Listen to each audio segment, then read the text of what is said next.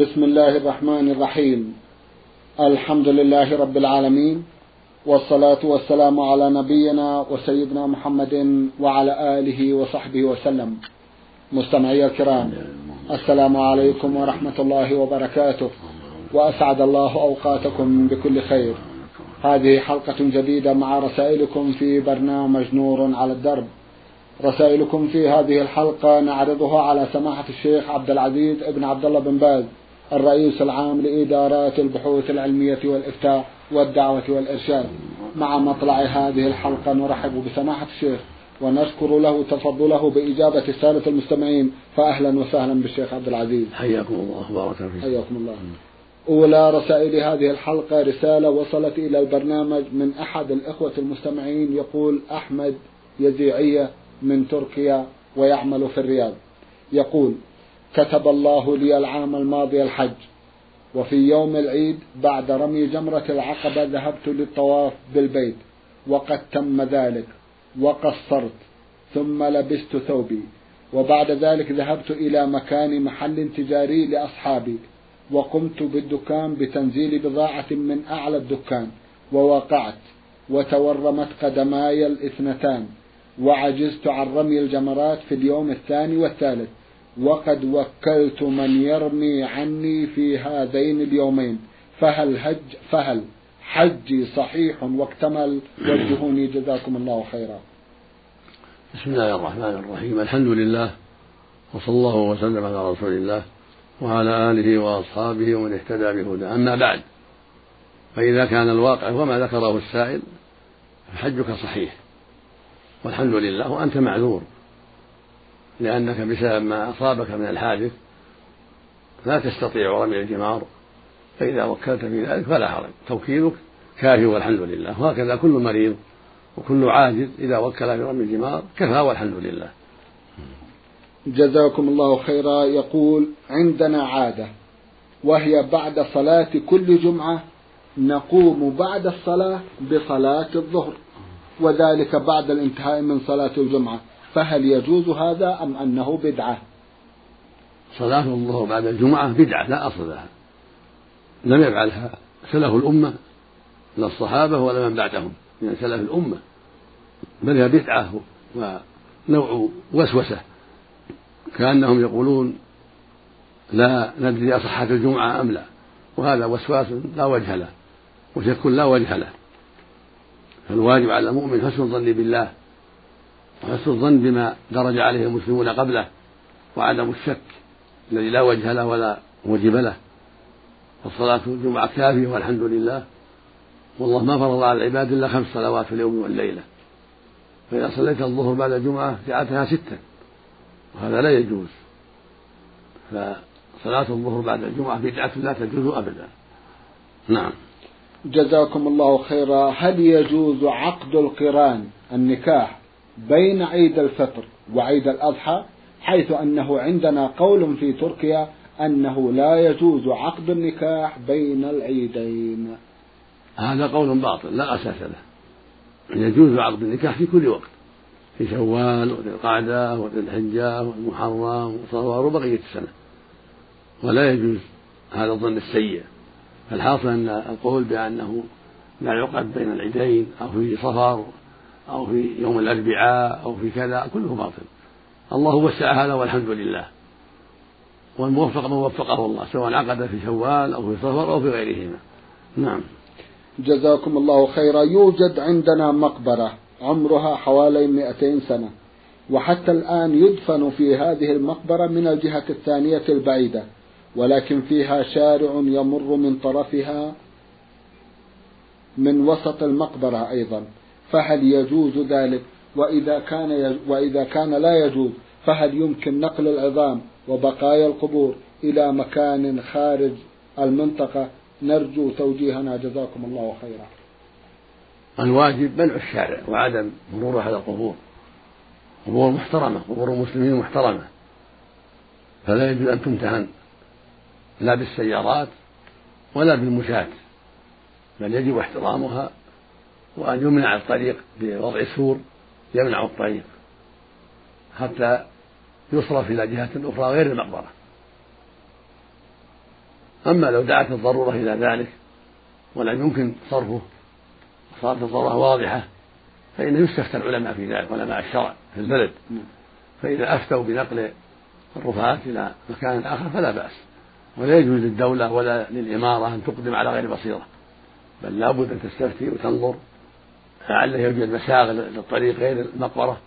فإذا ضاقت الدنيا ولم يوجد مساغ وتحققت الضرورة واستفتي العلماء في ذلك العالم المعروف الشرعي المعروف بعلمه وفضله ودينه فلا بأس أن يفتح الطريق للضرورة وتنقل الرفاة من محل الطريق إلى مواضع أخرى من المقبرة ويجعل كل رفاة قبر في في حفرة على حدته. ويسوى ظاهر الحفرة كظاهر القبور حتى لا تمتهن للضرورة. نعم. وقد ثبت عنه صلى الله عليه وسلم اللهم صل عليه. ما يدل على ذلك عند الضرورة. نعم. جزاكم الله خيرا. من المملكة الأردنية الهاشمية عمان الوحدات رسالة بعثت بها إحدى الأخوات وقعت في نهاية الرسالة بقولها مستمعة من الأردن.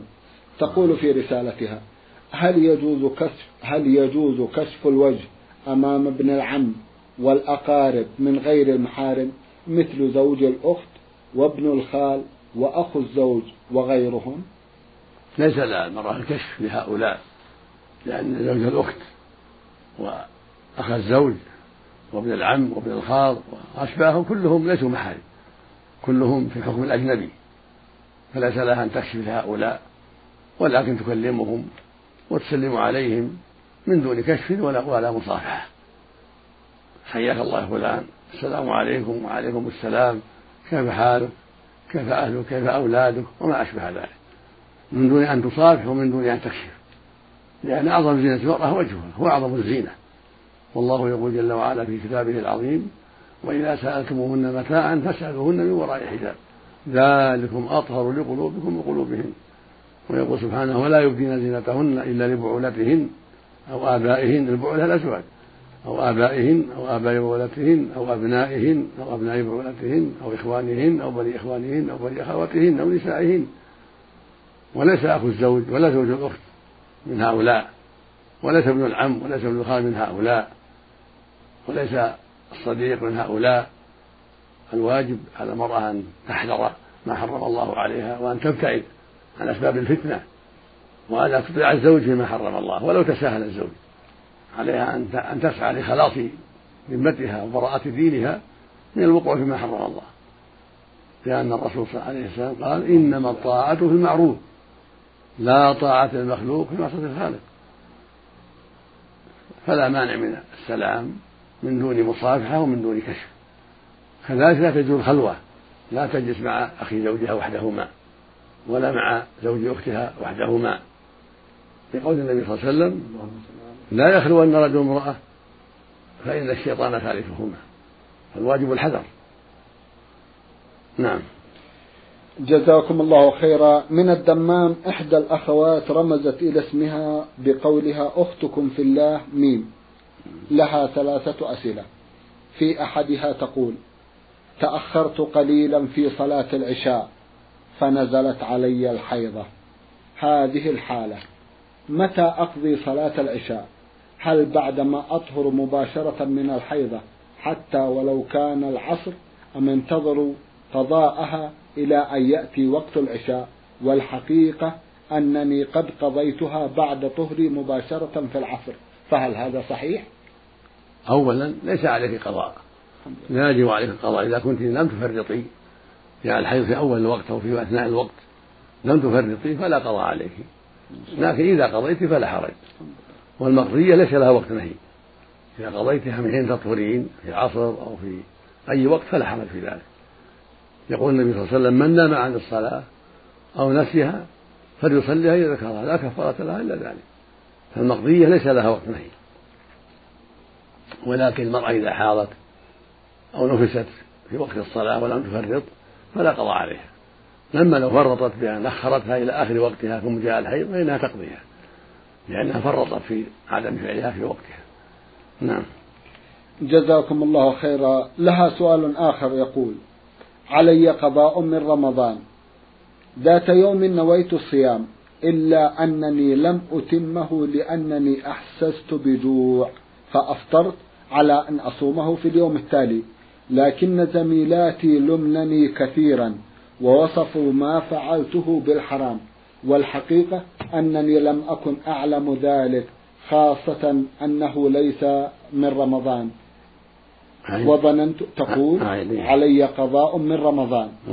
ذات يوم نويت الصيام إلا أنني لم أتمه لأنني أحسست بجوع فأفطرت على أن أصومه في اليوم التالي. ولكن زميلاتي لمنني كثيرا ووصفوا ما فعلته بالحرام والحقيقة أنني لم أكن أعلم ذلك خاصة أنه ليس في رمضان وظننت أن الأمر فيه سعة فماذا علي؟ نعم الذي قال لك أخواتك هو الصواب. لا يجوز لك الإفطار لإحساس بالجوع بل عليك الصبر حتى تغيب الشمس لأن قضاء رمضان فرض. لا يجوز التساهل فيه. وإذا جاء الإنسان وهو صائم في فرض أو ظمئ يتصبر ويتحمل حتى يكمل.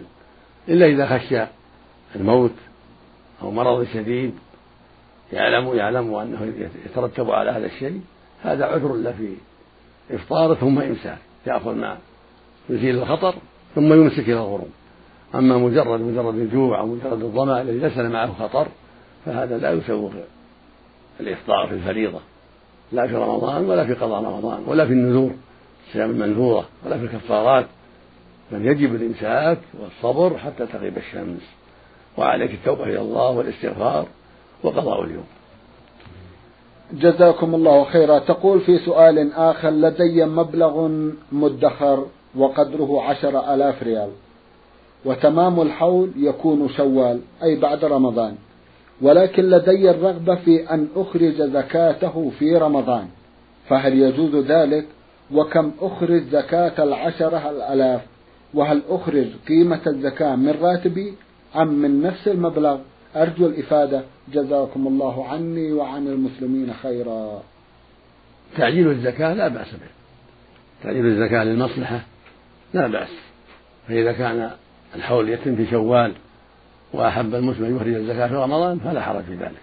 لأجل فضل رمضان أو صادف فقراء حاجتهم شديدة قبل تمام الحول فعجل لهم الزكاة أو عجلها للمجاهدين كل هذا طيب وما أشبهه ولا بأس بذلك. والواجب في عشرة الآلاف ربع العشر مثل غيرها. الواجب ربع العشر. ففي العشرة الواجب مئتان وخمسون لأن عشرها ألف وربع الألف مئتان وخمسون. هذه زكاة العشرة الآلاف. وفي الألف الواحد خمسة وعشرون وفي المئة اثنان ونصف. فالزكاة ربع العشر. ولا يجب إخراجها من نفس المال. فإذا أخرج الزكاة من راتبك أو من مال آخر فلا حرج. ليس إخراج الزكاة من نفس المال المحفوظ في بنك أو غيره. لازما لا. إذا أخرج الزكاة من مال آخر أو من راتبه فلا حرج في ذلك. نعم. جزاكم الله خيرا. المستمعة حاء عين ميم من المنطقة الشرقية الأحساء قرية الشعبة بعثت بسؤال طويل تقول فيه والدتي في الأربعين من عمرها وقد نبت الشيب في مفرق شعر رأسها وهي تريد أن تضع فيه صبغة لونها لونها أسود وقد منعتها من ذلك مستندة في منعي لها لحديث رواه جابر رضي الله عنه حيث قال أتي بأبي قحافة والد أبي بكر الصديق رضي الله عنه يوم فتح مكة ورأسه ولحيته كالثغابة. كالثغامة. كالثغامة بياضا.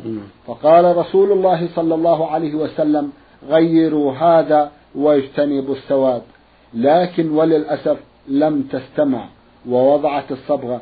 فما حكم الإسلام في ذلك؟ جزاكم الله خيرا. قد أحسنت في نصيحتها. قد أحسنت بارك الله فيك في نصيحتها للحديث المذكور. وهو حديث صحيح رواه مسلم وغيره. والنبي عليه السلام قال اجتنبوا السواد. في اللفظ الآخر وجنبوه السواد.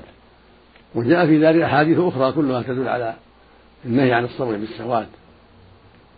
فالواجب أن تنصح الوالدة كثيرا حتى لا تصبغ بالسواد. تصبغ بالحنة أو بالحنة والكتم بين السواد والحمرة. وأما الصبغ بالسواد الخالص فلا يجوز لها ولا لغيرها.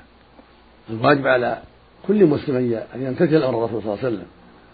وأن لا يصبغ بالسواد لا لحية ولا رأس. لأن الرسول قال غيروا هذا الشيء واجتنبوا السواد. وفي الإطلاق وجنبوه السواد. الواجب على الرجال والنساء عدم الصوم بالسواد والرجل لا يصبغ لحيته في السواد ولا سيما طلبة العلم وأهل العلم فإنهم قدوة فالواجب عليهم ألا يصبغوا بالسواد حتى لا يتأسى بهم غيرهم وهكذا غيرهم من الرجال والنساء. الواجب عدم الصوم بالسواد. نعم. للحديث المذكور وما جاء في معنى من الأحاديث الصحيحة. جزاكم الله خيرا. فيما يتعلق بالدورة الشهرية فإنه بعد انتهاء مدتها ألاحظ نزول سائل. فهل بنزوله تبطل صلاتي أم أن صلاتي صحيحة؟ نعم. تقول فيما يتعلق بالدورة الشهرية فإنه بعد انتهاء مدتها ألاحظ نزول سائل فهل بنزوله تبطل صلاتي أم أن صلاتي صحيحة؟ السائل إذا كان ليس بالدم الماء المعروف لا يؤثر. متى رأيت الطهارة وجب الغسل والصلاة صحيحة. وما خرج من السائل حكم حكم البول تستنجين منه وتوضعين وضوء الصلاة وتصلين ما دمت رأيت الطهارة واغتسلت صلين والحمد لله. والسائل هذا الذي يقع للنساء وهي المياه التي تقع للنساء هذه حكمها حكم الأبوال ما أصاب الثياب يغسل وما أصاب البدن يغسل وهي تنقض الوضوء. نعم. جزاكم الله خيرا. مستمع بعث برسالة ضمنها جمعا من الأسئلة وهو الأخ أبو أحمد. من الجمهورية العربية اليمنية. أبو أحمد يسأل عن الأشياء التالية. يقول ما حكم الإسلام في الأمور الآتية؟ احتفال بعض الناس بأعياد ميلادهم أي اليوم الذي يولد المرء فيه وتكرارهم للاحتفال كلما مر على هذا اليوم عام. الاحتفالات بالموالد بدعة لا أصل لها وتشبه باليهود والنصارى فلا يجوز ذلك. لا بميلاد الأنبياء كنبينا محمد صلى الله عليه وسلم ولا بغير غيرهم. ولا يجوز الإنسان يحتفل مولده ولا مولد أبيه ولا أمه. كل هذا من البدع المنكرة. إذا تعبد بها فهي بدعة. وإذا فعلها استحسانا فقد شابه المشركين من اليهود والنصارى في ذلك. فهي ممنوعة للتعبد وممنوعة للتشبه. وقد قال عليه الصلاة والسلام من أحدث في أمرنا هذا ما ليس فهو رد. وقال عليه الصلاة والسلام من عمل عملا ليس عليه أمرنا فهو رد يعني فهو مردود. وليس هذا من عمله صلى الله عليه وسلم. وليس في دينه. هو أنصح الناس عليه الصلاة والسلام. وأكملهم بلاغا. فلم يقل للناس احتفلوا مولدي ولم يفعله هو صلى الله عليه وسلم. ولا فعله الخلفاء الراشدون. ولا بقية الصحابة. ولا السلف في القرن الأول والثاني والثالث. فهو بدعة منكرة. ومن أسباب الشرك فإن بعض الناس إذا احتفل بمولد يدعو النبي صلى الله عليه وسلم ويدعو المحتفل به ويستغيث به ويطلبه المدد وهذا شرك أكبر نسأل الله العافية. وربما ظن بعضهم أن النبي يحضر فيقومون له ويقول حضر النبي صلى الله عليه وسلم وهذا أيضا من الجهل العظيم والباطل الواضح. فالاحتفال بموالد إن كان على سبيل التعبد فهو بدعة منكرة. وإن كان على سبيل التشبه بأعداء الله اليهود والنصارى فهو أيضا منكر. فهو بين أمرين بين بدعة وتشبه بأعداء الله فلا يجوز مطلقا. لا بمولدك ولا بمولد أبيك ولا أخيك ولا بمولد الأنبياء ولا بمولد الصالحين بل هذا كله من البدع التي أحدثها الناس. نسأل الله للجميع الهداية والتوفيق. اللهم آمين. هناك كلمات يرددها بعض الناس بعد الصلاة مثل حرما تقبل الله فهل هذه جائزة؟ أما حرما فلا اعرف لها أصلا حرما ما اعرف لها أصلا. وأما إذا قال يا أخي تقبل الله منك فلا أعلم فلا أعلم في بأس. لا في الصلاة ولا في غيرها. قد تقبل الله منك صيامك تقبل الله منك صلاتك لا حرج في ذلك. نعم. جزاكم الله خيرا. مصافحة المصلين بعضهم بعضا بعد الصلاة هل هي جائزة؟ إذا كان لم يصافحه أولا فاستحب له يصافح. إذا فرغ من الأذكار الشرعية صافح أخاه. أما إذا كان صافح عند اللقاء في الصف قبل الصلاة فلا يكفي والحمد لله. لأن المصافحة سنة عند اللقاء والسلام سنة عند اللقاء. فإن صافحه عندما لقيه في الصف أو بعد صلاة النافلة قبل الصلاة كفى ذلك. وإن صافحه بعد الفريضة بعد ما يفرغ من الأذكار هذا كله لا بأس به. من باب الإيناس وأداء السنة والتآلف. لكن لا يبادر من حين يسلم كما يفعل بعض الناس لا. بعد الأذكار بعدما يفرغ من الأذكار الشرعية يسلم على أخيه. على يمينه وشماله كيف حاله من باب التآلف والتعاون لقوله صلى الله عليه وسلم لأنه صلى الله عليه وسلم كان يصافح الصحابة ولما جاء عنه صلى الله عليه وسلم أن المسلمين إذا تلاقيا وتصافحا غفر لهما ما تقدم من ذنوبهما. فالسنة التقاء المصافحة. وثبت عن أنس رضي الله عنه قال كان أصحاب النبي إذا تلاقوا تصافحوا. وإذا قدموا سفر تعانقوا. وكان صلى الله عليه وسلم إذا دخلت عليه بنته فاطمة قام إليها وصافحها وقبلها وأجلسها مكانه وإذا دخلت عليه وإذا دخل عليها هي قامت إليه وصافحته وقبلته وأجلسته مكانها. فالمقصود أن إفشاء السلام والمصافحة عند اللقاء والبشاشة في وجه أخيك كل هذا من أسباب الألفة والمحبة.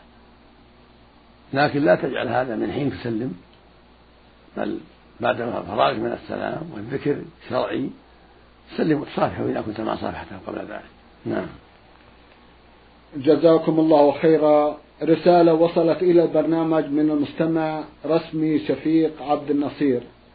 يقول في أحد أسئلته إنني أقوم صباحا في بعض الأيام متأخر ولم يبقى على طلوع الشمس سوى ست أو سبع دقائق وأتوضأ فهل أبدأ بصلاة الفرض أم بسنة الصبح؟ لأنني أخشى إن صليت السنة أن تطلع الشمس ويخرج وقت صلاة الفرض.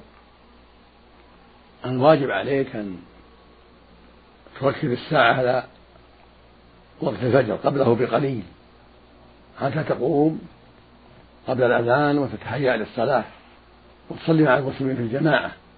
ولا يجوز لك التأخير حتى يفوت وقت الجماعة أو يفوت الوقت. هذا حرام ومنكر. وتشبه بأعداء الله المنافقين. بل الواجب على كل مسلم أن يعتني بالصلاة في الجماعة في الفجر وغيرها ويستعين بالله ثم بالساعة ساعة نافعة لكن ما عنده من يوقظه أو يخشى أن يغفلوا. يشتري الساعة ويجعلها عند رأسه ويركزها على قرب الأذان حتى يستيقظ قبل مع الأذان فيتمكن من الوضوء والغسل إن كان عنده زوجة والحضور مع المسلمين في المساجد حتى يصلي الجماعة. هذا هو الواجب على المسلم ولا يجوز له التأخر عن هذا والتساهل بهذا.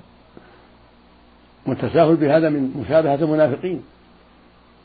الذين قال الله فيهم سبحانه إن المنافقين يخادعون الله وهو خادعهم وإذا قاموا إلى الصلاة قاموا كسالى. ثم يتوجه إلى المسجد فيصلي مع الناس. وإذا كان فاتته الصلاة يبدأ بالسنة الراتبة يصلي ركعتين خفيفتين سنة راتبة ثم يصلي الفريضة كان يصليهما ولو فات الوقت. ربما نام عن الصلاة في بعض الأسفار صلى الله عليه وسلم فلم يستيقظوا إلا بحر الشمس فإذا قام أمر بالأذان وصلى سنة راتبة وصلى الفجر عليه الصلاة والسلام. فالمؤمن إذا غلبه النوم ولم يقم إلا متأخرا فإنه يصلي سنة الفجر ثم يصلي الفريضة ولو طلع الفجر ولو طلعت الشمس ولو بعد طلوع الشمس السنة يقدمها قبل الصلاة ولو عند طلوع الشمس. لكن لا يجوز له أبدا أن يتأخر في القيام إلى الصلاة إلى أن تفوته صلاة الجماعة بل يجب وجوبا ويتعين عليه أن يفعل الأسباب التي تجعله يستيقظ حتى يحضر الصلاة مع المسلمين في أوقاتها في الفجر وفي غيرها. صدق الله جميع الهداية.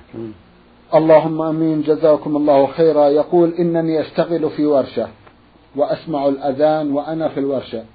وكنت في بعض الأيام أصلي في المسجد ولكن خطب الخطيب في يوم الجمعة وقال لا يصح للعامل أن يأتي من عمله ليصلي في المسجد لأنه يؤذي المصلين بالملابس المزيتة. وأصلي أنا وأخي زميل لي في الورشة جماعة. هل صلاتنا صحيحة في العمل القريب من المسجد؟ هذا الذي قاله الخطيب غلط وجهل. بل يجب على العمال يحضروا في الصلاة ويعتنوا بالصلاة مع الجماعة ولا يغتروا بخطبة الجاهلين.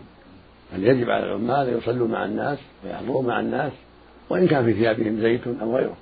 لكن يحرصوا على لكن عليهم أن يحرصوا على النظافة وأن يكون عندهم روائح كريهة كالدخان والصنان يحرصون على أن يتوضأوا وأن يتنظفوا مما يؤذي إخوانهم المصلين. ولا يجوز له التساهل في هذا الأمر. فإذا حضرت الصلاة ترك الشغل وبادر إلى الصلاة. وتعاطى الأسباب التي تعينه على حضورها مع الجماعة وعدم إيذائهم لا بدخانه ولا بغيره من الأذى. نعم. جزاكم الله خيرا. رسالة بعث بها المستمع سين عين يقول فيها حصل حادث على رجل وعلى إثر ذلك انتقل الرجل إلى رحمة الله تغمده الله بواسع رحمته وأسكنه فسيح جناته. وقد حصل الحادث على الرجل من خلف سيارته التي يقودها. وبمناسبة أن الرجل المتوفى له أولاد وأعتقد أنهم قصر وقد حصلت محاورة بين أقربائه البعض منهم يرغب التنازل عن الرجل الذي صدم, صدم الرجل المتوفى من الخلف والبعض منهم يرغبون دية يضعونها ويصرفون منها على الأولاد والبعض منهم يقولون نبني له مسجدا ونحفر له بئرا بأرض فلات ويكون الأجر له والبعض يقولون نأخذ الدية ونتصدق بها إذا حكم بها شرعا ويكون الأجر للمتوفى. وجهونا حول أحسن الطرق هل هو العفو أو ما ذكرنا؟ جزاكم الله خيرا. إذا كان المتوفى له أولاد صغار أو أولاد مجانين أو غير مرشدين لم يجوز العفو. بل يجب على وليهم أن يأخذ الدية ويحفظها لهم ويصرفها في مصالحهم. ولا يجوز العفو من وليهم عن الدية. أما إذا كان الورثة مرشدين ليس فيهم قاصد وأحبوا أن يسمحوا فلا حرج عليه أو أحبوا أن يضعوها في تعمير المسجد أو في حفر بئر في فلاة مع المسلمين أو في صدقة على الفقراء أو في مساعدة المجاهدين كل هذا لا بأس به. هم أحرار لأنهم مرشدون يتصرفون كيف شاءوا والأولى أن يأخذوها لا يسمحوا بها للصادم. حتى لا تسهل الناس في الصدم والتعدي على الناس. الذي ينبغي أن يأخذوا الدية ثم يتصرفوا فيما يرون إذا كانوا مرشدين إما توزعوها بينهم وتصرفوا فيها وإما صرفوها في جهة بر كتعمير المسجد أو صدقة على الفقراء أو صرفها في المجاهدين في سبيل الله أو نحو ذلك. أما إذا كانوا غير مرشدين أو فيهم من هو ليس بمرشد فلا يجوز لولي القاصر أن يسمح عن شيء منها. سواء كان القاصر صغيرا أو معتوها أو مجنونا أو سفيها ليس لولي أن يسمح. بل يجب أن يأخذ حقه من الدية ويحفظه للقاصر حتى ينفق عليه منه أو يصرفه في مصالحه كتعمير عقاره وغير ذلك. نعم. جزاكم الله خيرا. سماحة الشيخ في ختام هذا اللقاء أتوجه لكم بالشكر الجزيل. بعد شكر الله سبحانه وتعالى على تفضلكم بإجابة السادة المستمعين وآمل أن يتجدد اللقاء وأنتم على خير. نرجو اللهم آمين. مستمعي الكرام كان لقاؤنا في هذه الحلقة مع سماحة الشيخ عبد العزيز ابن عبد الله بن باز. الرئيس العام لإدارات البحوث العلمية والإفتاء والدعوة والإرشاد شكرا لسماحته. وأنتم يا مستمعي الكرام شكرا لمتابعتكم. وإلى الملتقى. وسلام الله عليكم جميعا. ورحمته وبركاته.